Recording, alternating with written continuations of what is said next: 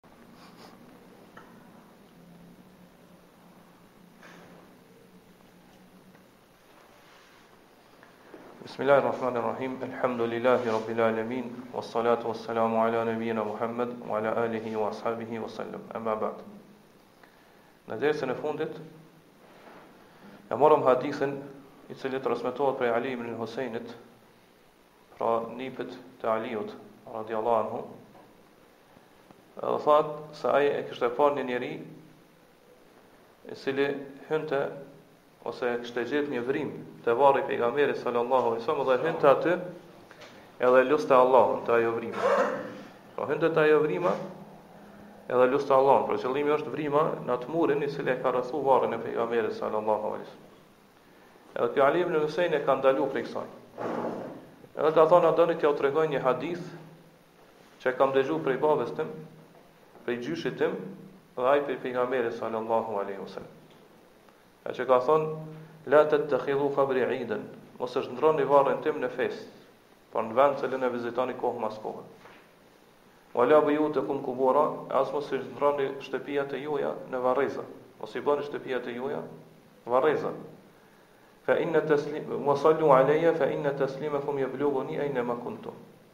Edhe çoni salavat për mua se ngase selami juaj më mbërrin mua kudo që të jeni. Më mbërrin mua kudo që të jeni. Pra në dersin e kaluam e shpjeguam këtë hadith dhe çka përfitohet prej këtij hadithi në temën të cilën e ka sjell autori, pra që Muhamedi sallallahu alaihi wasallam i dërguar i Allahut i mbronte fort kufijtë e tauhidit. Edhe ka mbyll çdo rrugë që i dërgon njerëzit në shirk. Pastaj thamë se në këtë hadith përfitohet se është e ndalume njeriu me u përgatit për udhëtim për te varri i pejgamberit sallallahu alajhi wasallam. Po edhe për te varre të tjera apo varrezat, tyrbet e kështu me radhë.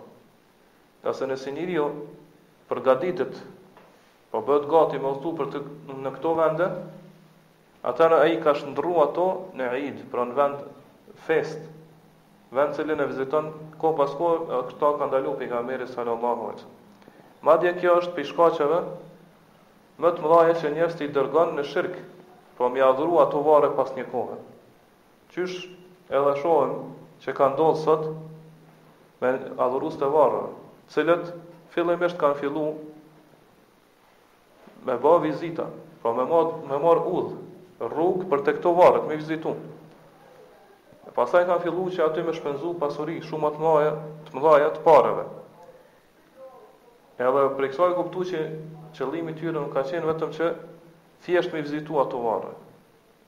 Po qysh ka ardh në hadith pejgamberi sa. Mirëpo qëllimi ka qenë që me ba teberruk, po me lyp bereqet prej atyne varreve. Pastaj prej kup, kupolave, apo prej mureve, e ndërtesave që ndërtu mbi ato varre. Pra kështu do thot ata, gradualisht ka, kanë rënë në shirk dhe do thot i kanë bërë shirk Allahut subhanahu taala. Shejhul Islam ibn Tejmije, Allahu e mëshiroftë, ka dhënë fetva për këtë mesele. E ka thënë se ai i cili udhton Vetëm për m'i vizitu varret e pejgamberëve apo varret e njerëzve të mirë, njerëzve të devotshëm. Edhe ka do thot ka tregu që në këtë mesele ka mospajtime mes dijetarëve. Po disa e kanë ndalu e disa e kanë leju.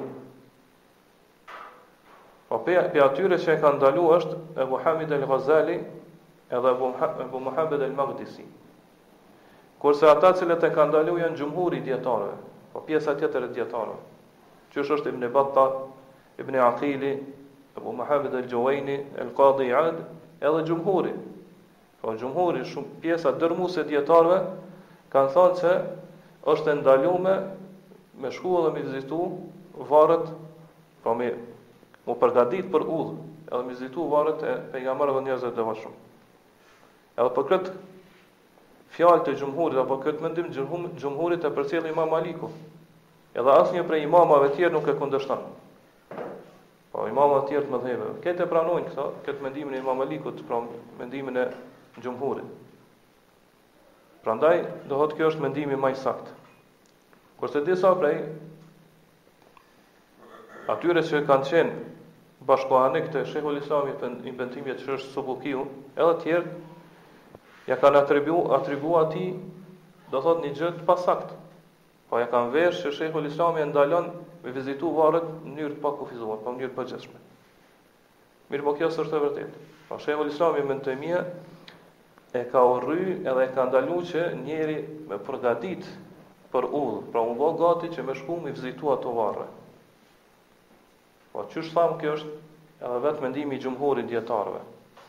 Para Shejhul Islamit edhe pas Shejhul Islamit. Gjithashtu, do thotë e ka ndalu edhe ka urry që me shku me vizitu varret me qëllim që me iu lut të vdekurve. Apo, do thotë me kërku ndihmë prej tyre. Shpetim, do thotë që me t'i largu të këqijat edhe fatkeqësitë. Edhe do thotë, për shkak se në ato vende, zakonisht, do thotë bëhen gjëra të ndaluara, mëkatet e mdhaja. Qysh janë zinaja edhe gjëra tjera, provokimet që bëhen mes dy gjinive kështu me radhë. Po përveç shirkut që bëhet aty, aty bëhen edhe disa prej mëkateve të mëdha. E prej argumenteve që tregojnë se është e ndalume që do thotë njerëzit m'u përgatit për udhtim, po u bë gati me udhtu.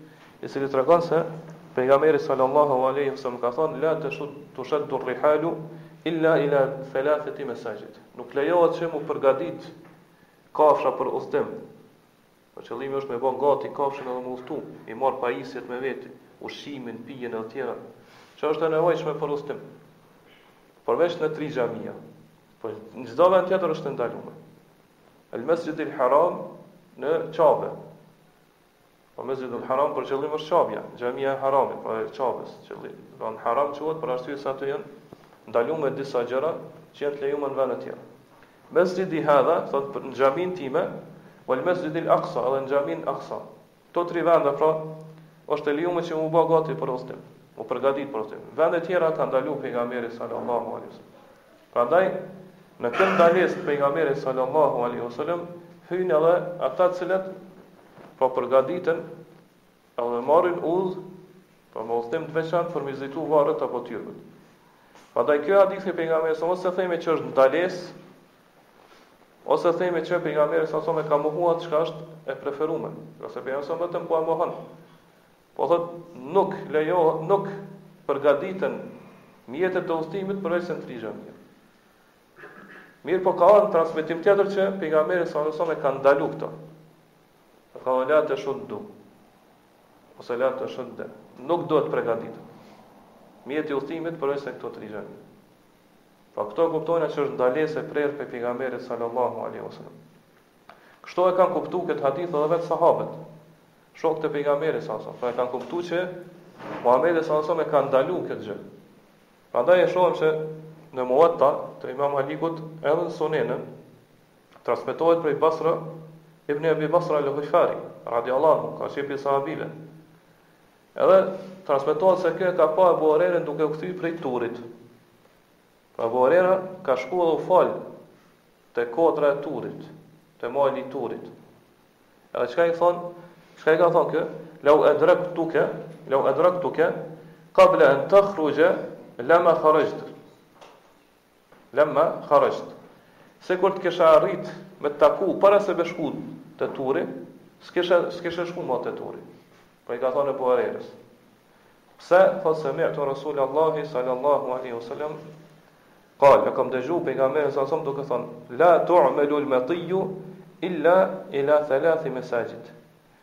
Nuk lejohet që me përgatit kafshën për udhëtim, veçse për tri xhamia, El Mesxhidil Haram, në xhaminë e Qabes, Ve Mesxhidi Hadha, në xhaminë time, Vel Mesxhidil Aksa, edhe në xhaminë Aksa. Pra kjo është hadith prej edhe komentim prej sahabive, se e kanë kuptu ata që pejgamberi salallahu alejhi ve selem e ka ndalu këtë gjë.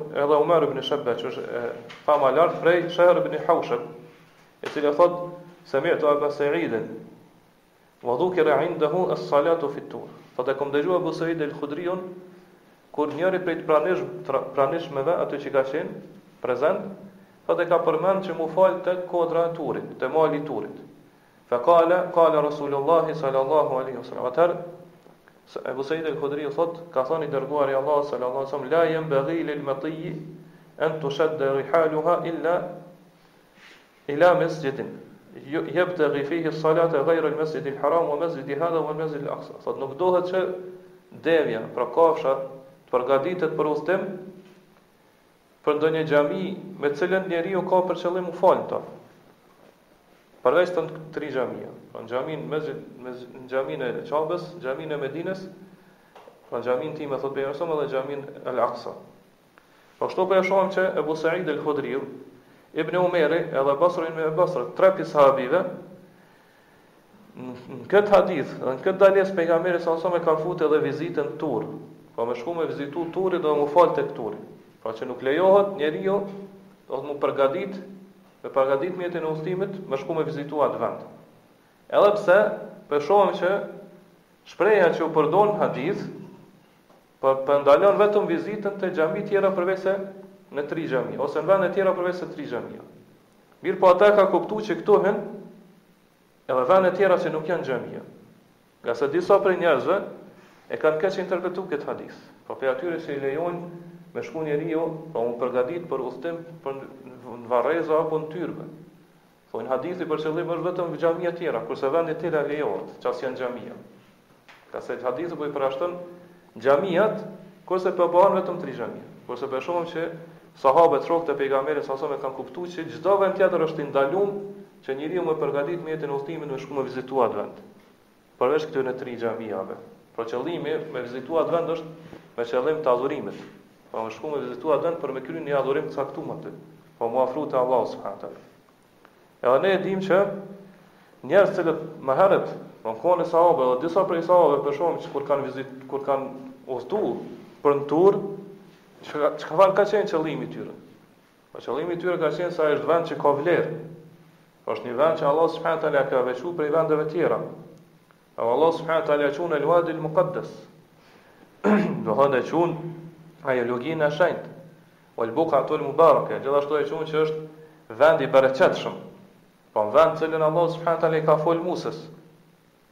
Do të thotë kjo është një gjë që çdokush e kupton. Po çdokush i cili e din gjuhën arabe e din këtë gjë. Prandaj edhe xhumhuri i dietarëve, edhe katër imamët e medhhebeve, edhe pasuesit e tyre nuk ia kanë ba obligim atyre të cilët zotohen Po bojnë zotim, nedhër, për me shku me vizitu një varr prej varreve të pejgamberëve, apo varreve të tjerëve, prej varreve t'evlijave, kështu me radhë, nuk ia kanë obligu që me përmbush atë zotim. Po s'i kanë thonë që nëse e ke, e ke bo njetë edhe je zotu që me shku një varë, një, me vizitu një varr t'një pejgamberi. Apo t'një njeriu t'devotshëm, që ti e ki obligim me përmbush, do thotë zotimin tënd. Madje, nëse njeriu do të thotë, Për në Mesxhid Kuba, për një vend të largët. Pra, për shembull, prej Kosovës e bën nijet që me shku me vizitu Mesxhid Kuba, xhaminë Kuba që është në Medinë. Kjo nuk është e ligjshme. Kjo nuk është e lejume. Pra kjo me pajtueshmërinë e katër imamëve. Ai që shkon me vizitu xhaminë e pejgamberit, salallahu alejhi ve selem atëherë i lejohet që prej aty me shku me vizitu Kuban. Mirëpo me bën nijet edhe m'u përgatit për udhtim, me përgatit mjetin e udhtimit, prej vendit tij. Prej jashtë Medinës, me shku me vizitu xhamin Kuba dhe mu fal aty kjo është nuk është e ligjshme, nuk është e lejume. Edhe pse ne e dimë që pejgamberi sallallahu alaihi wasallam çdo të shtune ka shku dhe ka vizitu Mesxhid Kuba, edhe është fal aty. Nganjëherë ka shku, do thotë në këmbë, duke ec e nganjëherë ka shku, do thotë përmbi kafshën e tina. Kurse, nëse dikush zotohet Që me shku me vizitu Mesxhid Kuban, po zotohet që e ban nijet edhe zotohet për hir të Allahut me shku me vizitu edhe mu fal në Mesxhid Kuban. A e ka obligim me përmbush këtë zotim apo jo? Për këtë ka mospajtim mes dijetarëve, mirëpo prap xhumhuri i dijetarëve, pra pjesa dërrmuese thonë që ai nuk e ka obligim. Po ashtu Imam Maliku dhe tjerët prej dijetarëve kanë thënë se ai i cili zotohet me udhëtu për në Medinën e Pejgamberit sallallahu alejhi wasallam, nëse për qëllim qëllimi i tij prej kësaj vizite është me mu fal në xhaminë e Pejgamberit sallallahu alejhi wasallam atëherë e ka obligim me përmbush zotimin e tij. Mirpo nëse e ka për qëllim që thjesht me vizitu varrin e Pejgamberit sallallahu alejhi wasallam, jo mu fal në xhaminë e tij, atëherë nuk e përmbush këtë zotim. Ngase përmbushja e këtij zotimit është është mëkat. Edhe pejgamberi sallallahu alajhi wasallam qysh e pamë tha La tu'malu al-matiyatu illa ila thalathati masajid. Nuk lejohet të përgatit kafsha për udhtim pra mjeti i udhtimit përveç se në tri xhamia. Këtë përmend edhe Ismail ibn Ishaq në librin e tij Al-Mabsut, edhe do thot përmendet edhe në libra të tjerë. Por përgjithsisht themi se dietart kanë mospajtime se a lejohet që Po kanë kundërthënie a lejohet që njeriu me përgatitë mjetin e udhëtimit për vende për në vende tjera përveç se në tri xhamia. Kurse xhumhuri i dijetarëve e ndalojnë këtë. Ata të cilët e kanë leju thjesht kanë thënë që është e lejuar. Mirpo këta janë disa prej dijetarëve të vonshëm, jo të hershëm. Po thjesht kanë thënë që është e lejuar, nuk kanë thënë që është e preferume ose e pëlqyeshme. Po është e lejueshme. Pra kjo duhet me ba dallim, kur themi që diçka është e lejume, kurse diçka tjetër është e preferume. Po ka dallim mes këtyre dyja. Prandaj me thonë se është e preferume me i pregadit mjetet e udhëtimit, për me shku me vizitu varret, apo tyrbet dhe kështu me radhë, qysh, qysh mendon, ose qysh e ka mendimin Subkiu dhe tjerë, kjo është një mendim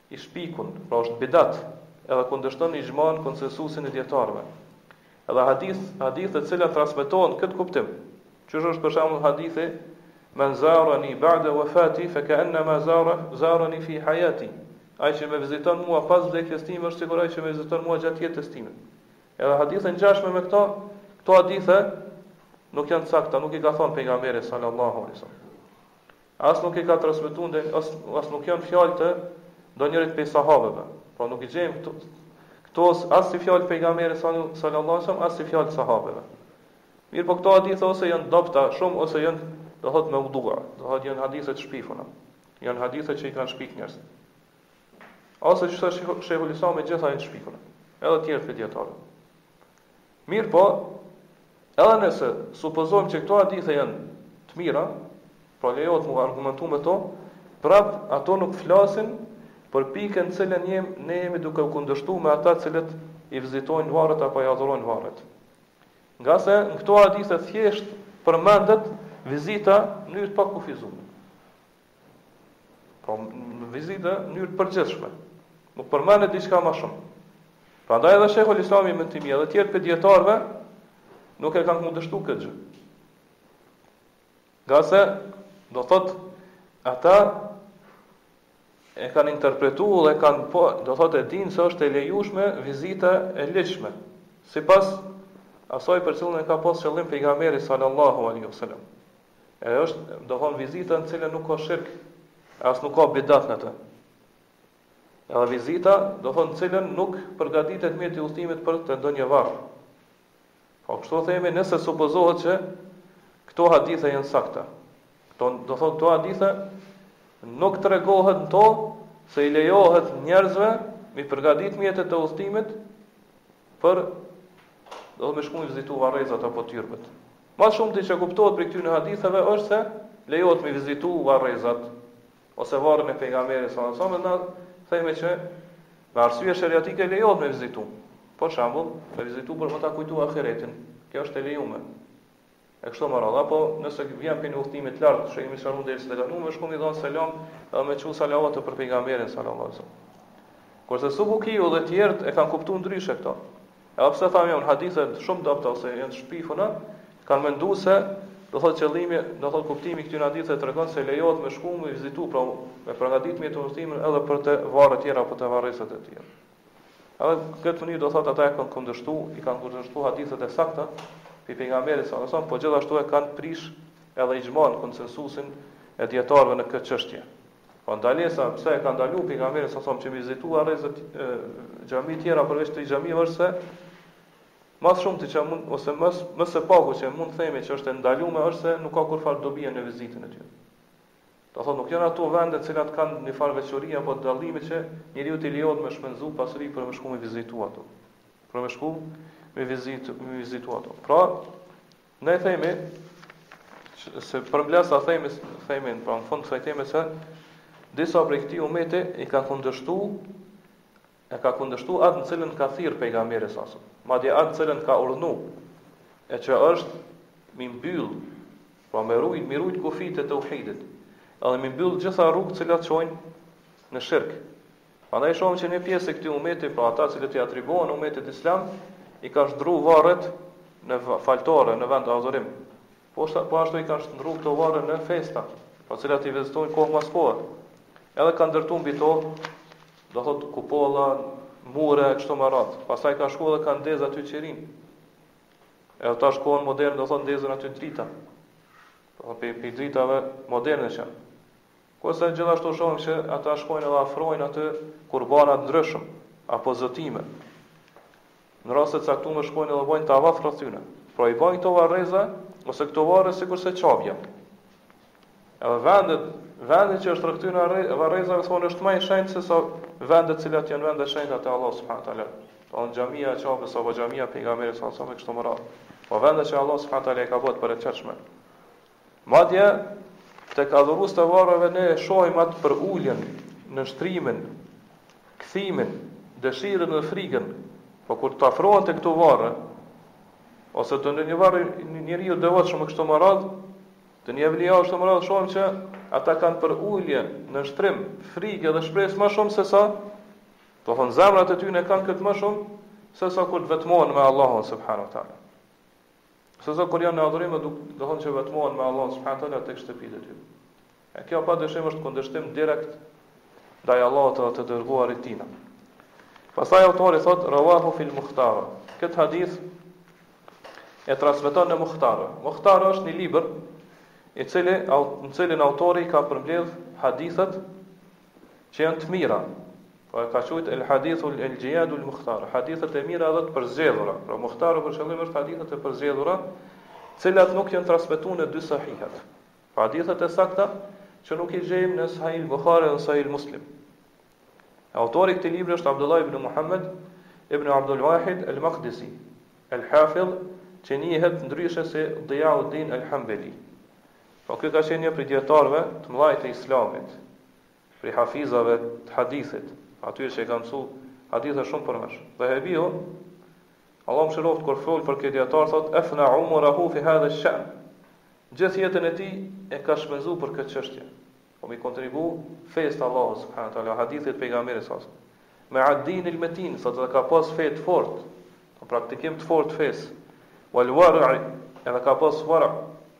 Pra ka pas mos lakmi ndaj dunjas.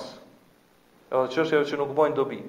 Wal fadilet i tamme, edhe ka pas virtyte të larta të plota.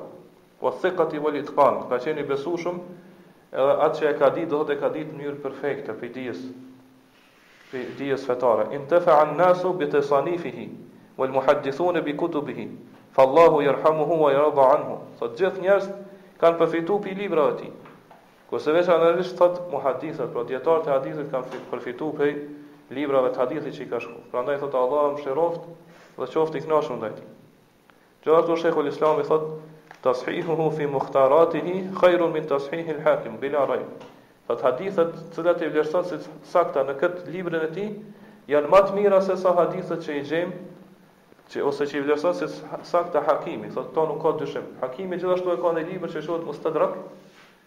në cilin i ka sjellë hadithe që nuk nuk janë transmetuar në sahih në sahih Buhari dhe Muslim. Mirëpo ky libër është shumë më i mirë edhe më i saktë se sa Mustadreku i Imam Hakimit. Pra ky dijetar ka vdekë në vitin 60 e 643 të Hijretit, 643 të Hijretit. Pra qysh e pamë, autori i këtij hadithit është Hambeli. Mirëpo, kjo është do të thotë pak e çuditshme te Hambelitë dhe dijetarët e Hambelive. Ngase dijetarët e Hambelive nuk njihen si muhaditha. Po nuk njihen që jan marr shumë me shkencën e hadithit.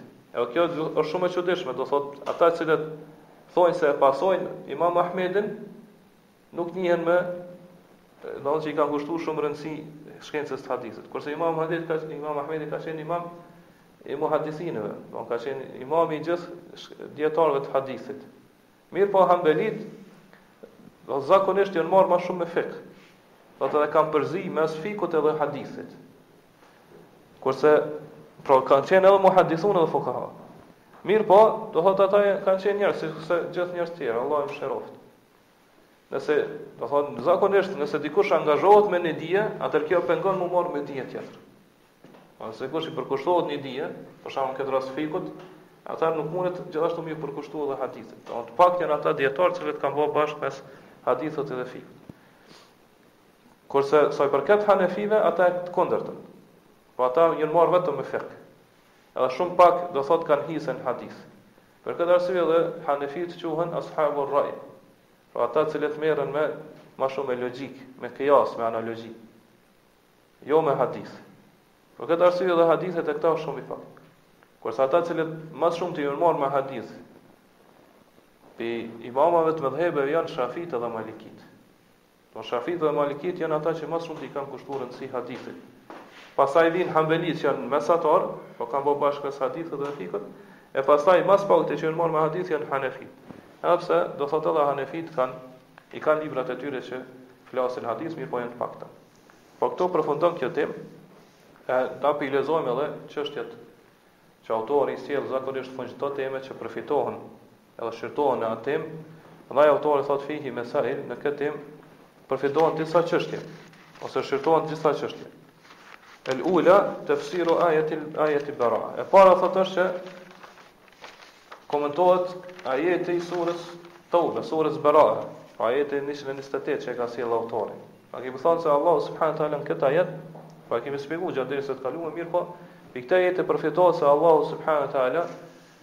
I ka dhënë mirësi të madhe këtij ummeti që jau ka dërguar një të dërguar prej mesit tyre, pra prej llojit të tyre. Po nuk ka mirësi më të madhe për njerëzimin në përgjithësi dhe për umetin e Muhamedit sallallahu alaihi wasallam në veçanti se sa ardhja e këtij pejgamberi, këtij të dërguari. Prandaj Allah subhanahu wa taala thotë: "Laqad manna Allahu 'ala al-mu'minina idh ba'atha fihim rasulan min anfusihim." Po Allahu i ka dhënë mirësi të madhe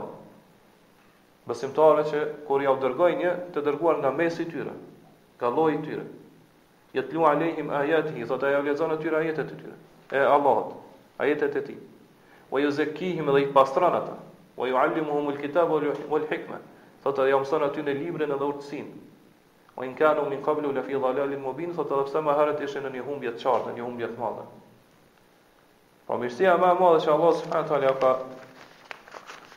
dhënë krijesave të tij, njerëzve, po edhe xhinëve është që Allah subhanahu wa taala ka dërguar kët pejgamber. Ngase, do thot krijesat me pasimin e këtij pejgamberi të të dërguari dalin prej sir errësirave në dritë, prej kufrit në iman. Edhe shpëtojnë prej zjarrit të xhehenemit dhe hyjnë në xhenetin e Allahut subhanahu wa taala.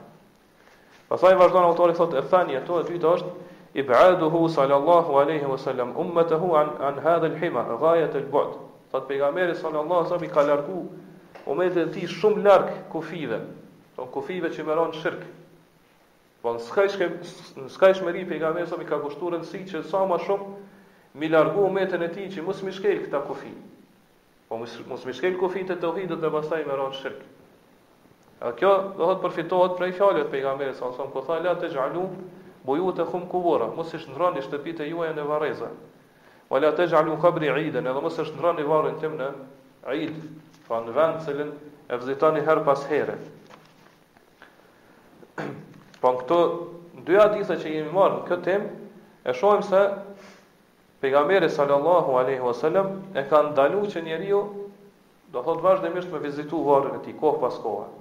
Pastaj me qëndru te varri i tij apo mu ul aty, mu lut, me fal namaz apo edhe me çu salavate për pejgamberin sallallahu alejhi wa sallam. Nëse këtë e bën në mënyrë të vazhdueshme, po në kohë të caktuar, kjo është e ndaluar, ka ndalu pejgamberi sallallahu alejhi wa sallam. Ngase kjo këtë është, kjo kjo është me shndrru varrin e tij në Eid pra në festë.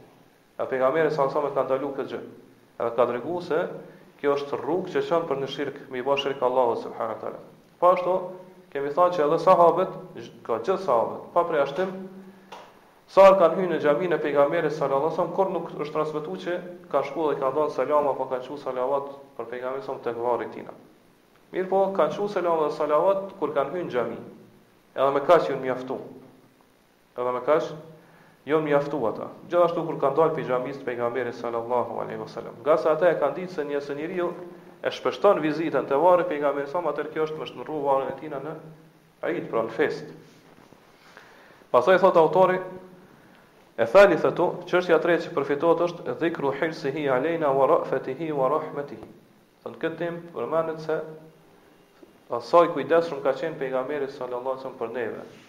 Atë sa i butë i mshirshëm ka qenë për ne. Po kjo është përmendet në ajetin e surës Teube, që që e përmenëm më lart, po që e morëm më lart. Edhe do të thotë në këtë ajet Allahu subhanahu wa taala e përshkruan pejgamberin sallallahu alajhi wasallam me pesë cilësi shumë të mëdha.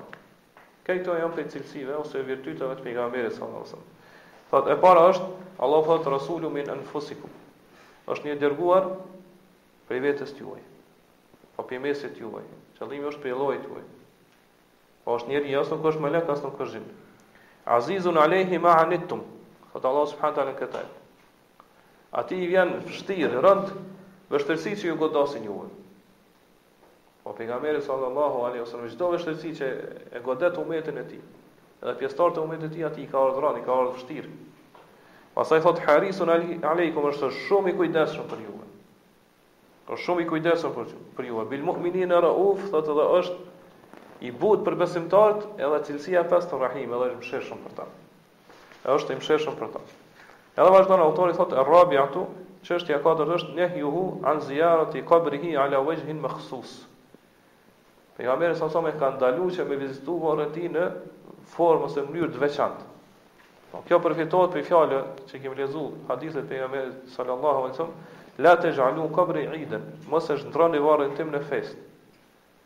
Po kjo Eid, kjo fjalë që përdoret është forma e veçantë.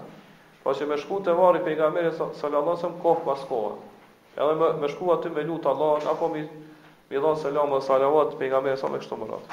Edhe pse e dimë që vizita e varrit pejgamberit sallallahu alaihi wasallam është prej veprave, po si lloj është prej veprave më të vlefshme. Ngase në vizitën që ja bën varrit pejgamberit sa ti çon selam, i çon selam pejgamberit sa. Edhe çon salavate.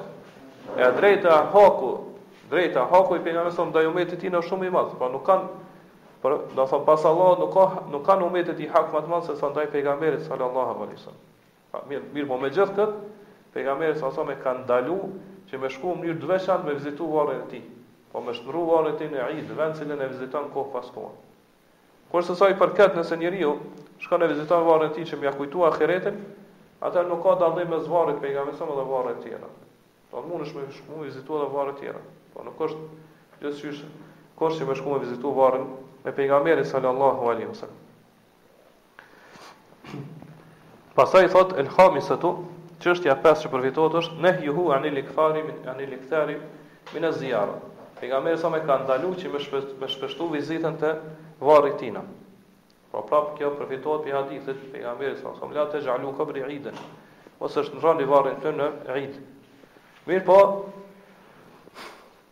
Kjo ndalesë e Pejgamberit sa nuk kërkon domosdoshmërisht që këtu me pas shpeshtim të vizitës. Ngase ka mundësi që njeriu me vizitu varrin e Pejgamberit sallallahu alaihi wasallam vetëm një herë në vit, mirëpo e bën në ditë caktuar. Pra e viziton nga një herë në vit, edhe këto e përsërit gjatë gjithë jetës. Edhe kjo është me shndërru varrin e Pejgamberit sallallahu alaihi wasallam në Eid, nëse e bën me qet qëllim. Po nëse e viziton ato në ditë caktuar apo do thotë në kohë caktuar.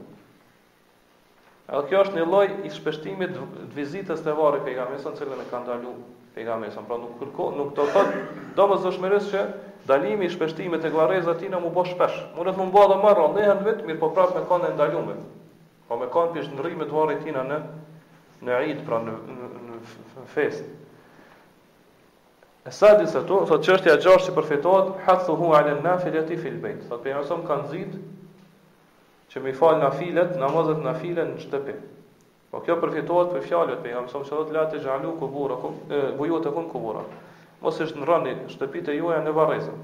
Po në dersa në dersa të mëparshme e kemi përmendur se kuptimi i këtij hadithi është ose ky hadith interpretohet në dy mënyra. E para është se nuk lejohet që njeriu mu varros në shtëpinë e tij. Pra kjo është ai kuptimi i jashtëm i hadithit, i dukshëm. Kurse kuptimi i dytë është që do të kuptimi i cili përfitohet prej këtij hadithi, ose kuptimi domethënë që kuptohet dhe përfitohet prej hadithit është që mos me lanë namazin në shtëpi. Pra ashtu siç është ndaluar mu fal në varreza, ashtu do të thotë mos i shndrroni shtëpitë e juaja, mirë po faluni aty. Pra falni nafilet.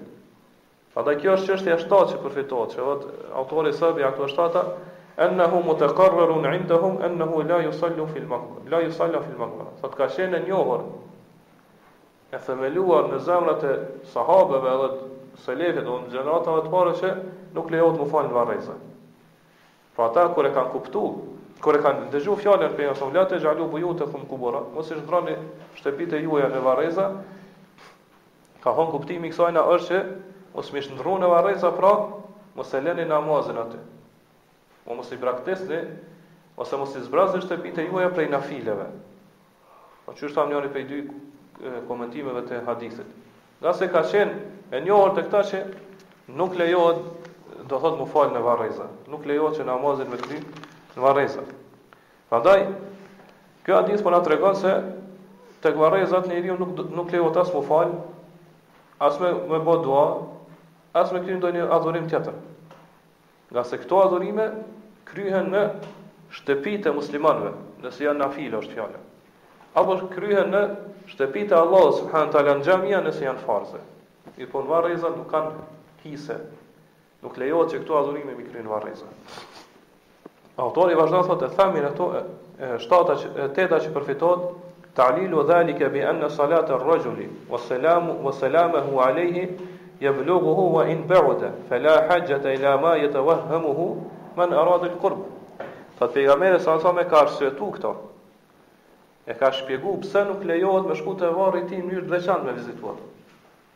Pra ka arsyetuar dhe ka treguar se salatet, salavatet pra që ja çon njeriu ose selamet pejgamberit sallallahu alajhi wasallam atij i shkojnë. Pra i arrijnë edhe nëse është njeriu larg. Pra edhe nëse njeriu personi qëndron larg.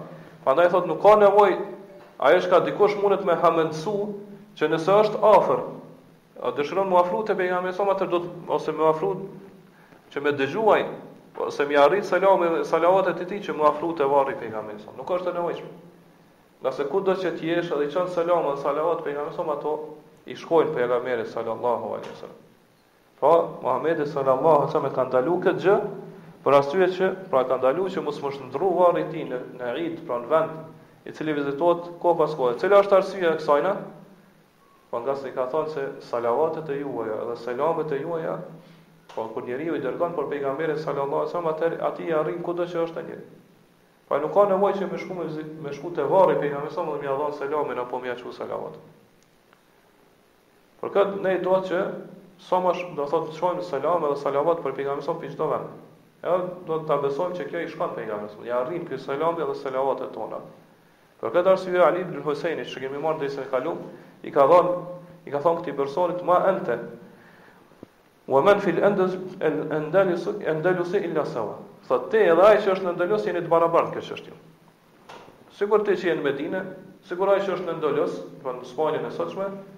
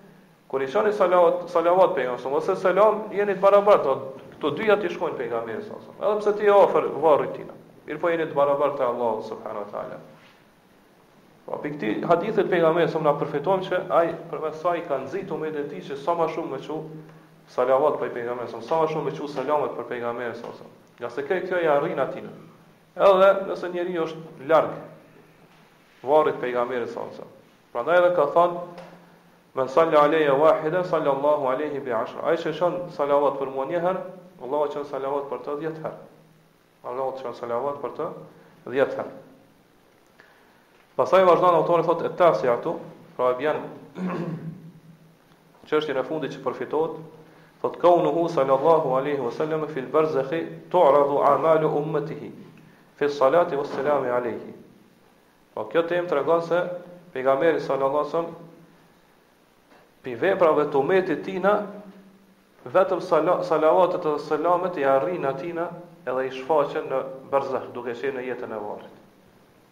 Pra vetëm salavatet edhe, edhe selamet.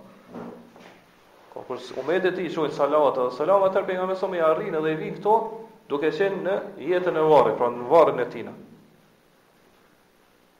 Mirëpo vetëm këto, Pejgamberi sa sa ka thënë fa inna taslim taslimakum yablughuni haythu kuntum. Selami juaj më arrin mua kudo që të jeni. Po çka kuptojmë prej kësaj, no? kuptojmë se nuk është kjo qysh kanë menduar disa prej bidatxhive, duke thënë se kto veprat e umetit i shfaqen pejgamberit sallallahu alajhi wasallam. Ka se për këto nuk ka argument. Po pejgamberi sa po tregon që vetëm salavatet dhe selami i shfaqen atina. Po i ekspozohen, i, i arrin. Kurse veprat tjera jo. Çka thonë këta? Thonë kto veprat e umetit tina i shfaqen. Nëse ai e sheh që veprat e umetit tina janë të mira, atëherë falënderon Allahun. Kështu kanë pretenduar. Nëse sheh që disa prej veprave të umetit tina janë të këqija, atëherë kërkon falje. Kërkon falje për ta. Edhe do thotë këta argumentojnë me një hadith i cili është më i dobët se sa rrjeta e marimangës. Do thotë përmes sajna ata e kanë kundërshtu hadithet e sakta që vijnë Buhari dhe Muslim, gjithashtu edhe do thotë tekstet pe Kur'anit dhe Sunetit të pejgamberit sallallahu alaihi wasallam, por edhe do thotë ata veprat apo fjalët e sahabeve që kanë fol, që kanë fol në këtë drejtim. Pastaj gjithashtu, do thotë në këtë temë përfitojmë edhe disa dobi tjera, që i sjell Shejh Fauzani Allahu e mëshiroftë thotë, prej do prej dobive tjera që përfitojmë është se pejgamberi sallallahu alaihi wasallam i ka mbyll gjitha rrugët të cilat dërgojnë në shirk.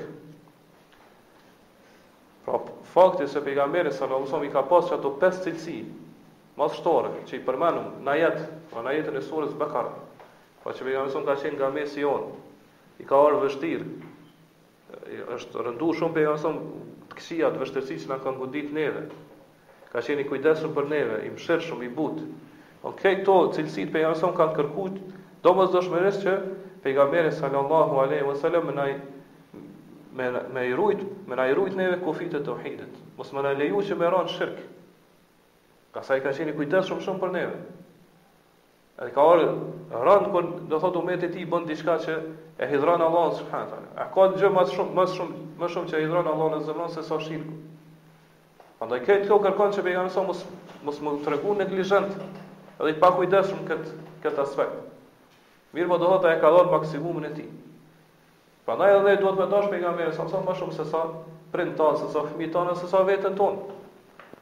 Pastaj ky është kujdes për neve më shumë se sa ne që kujdesem për veten tonë, më shumë se sa prindt tanë që kujdesën për neve. E kështu me radhë. Për këtë arsye do thotë do ta dojmë pejgamberin sa më shumë se sa çdo kënd tjetër në fytyrën e tokës. Edhe ka një hadith tjetër pi pejgamberit sa sa mi cili ka thonë ma terektu shej'en mimma jukarribukum ilallah, illa bejentuhu lekum. S'kam lan asnjë gjë, që ju afron te Allahu vetëm se ja kum sqaru.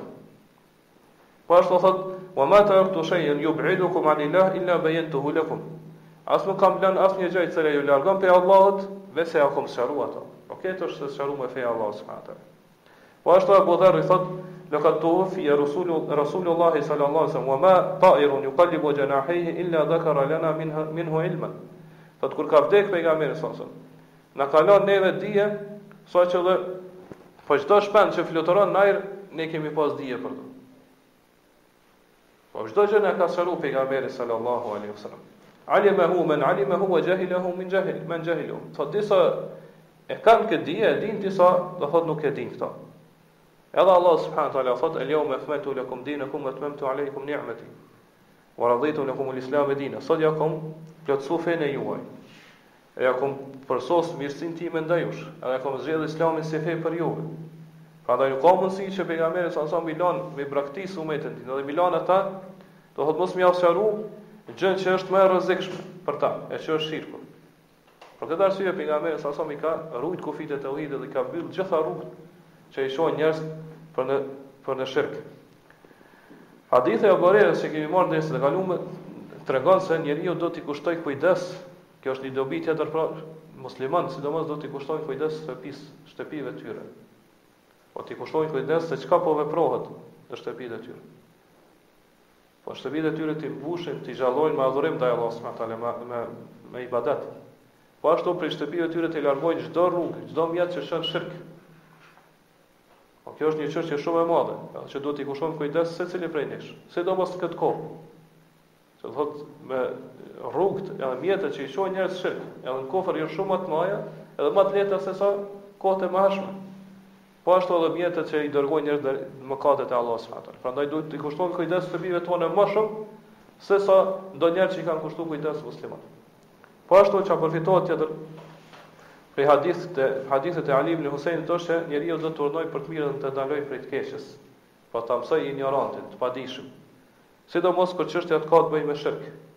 Po me rrugë e cila nëse njeriu e ndjek e dërgon në shirk. Nuk duhet të hesht ndaj kësaj. Prandaj shohim që Ali ibn Husain nuk ka hesht, mirëpo e ka ndaluar prej kësaj gjëje.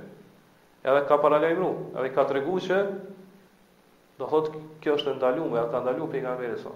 Prandaj në këtë sjellje të Ali ibn Husajnit, Allahu e mëshiroftë, ia kemi pa hajrin edhe na si umet. Aty ka pas hajr, mirësi, bereqet edhe për neve si umet, ngase e kemi mësu një gjë të re.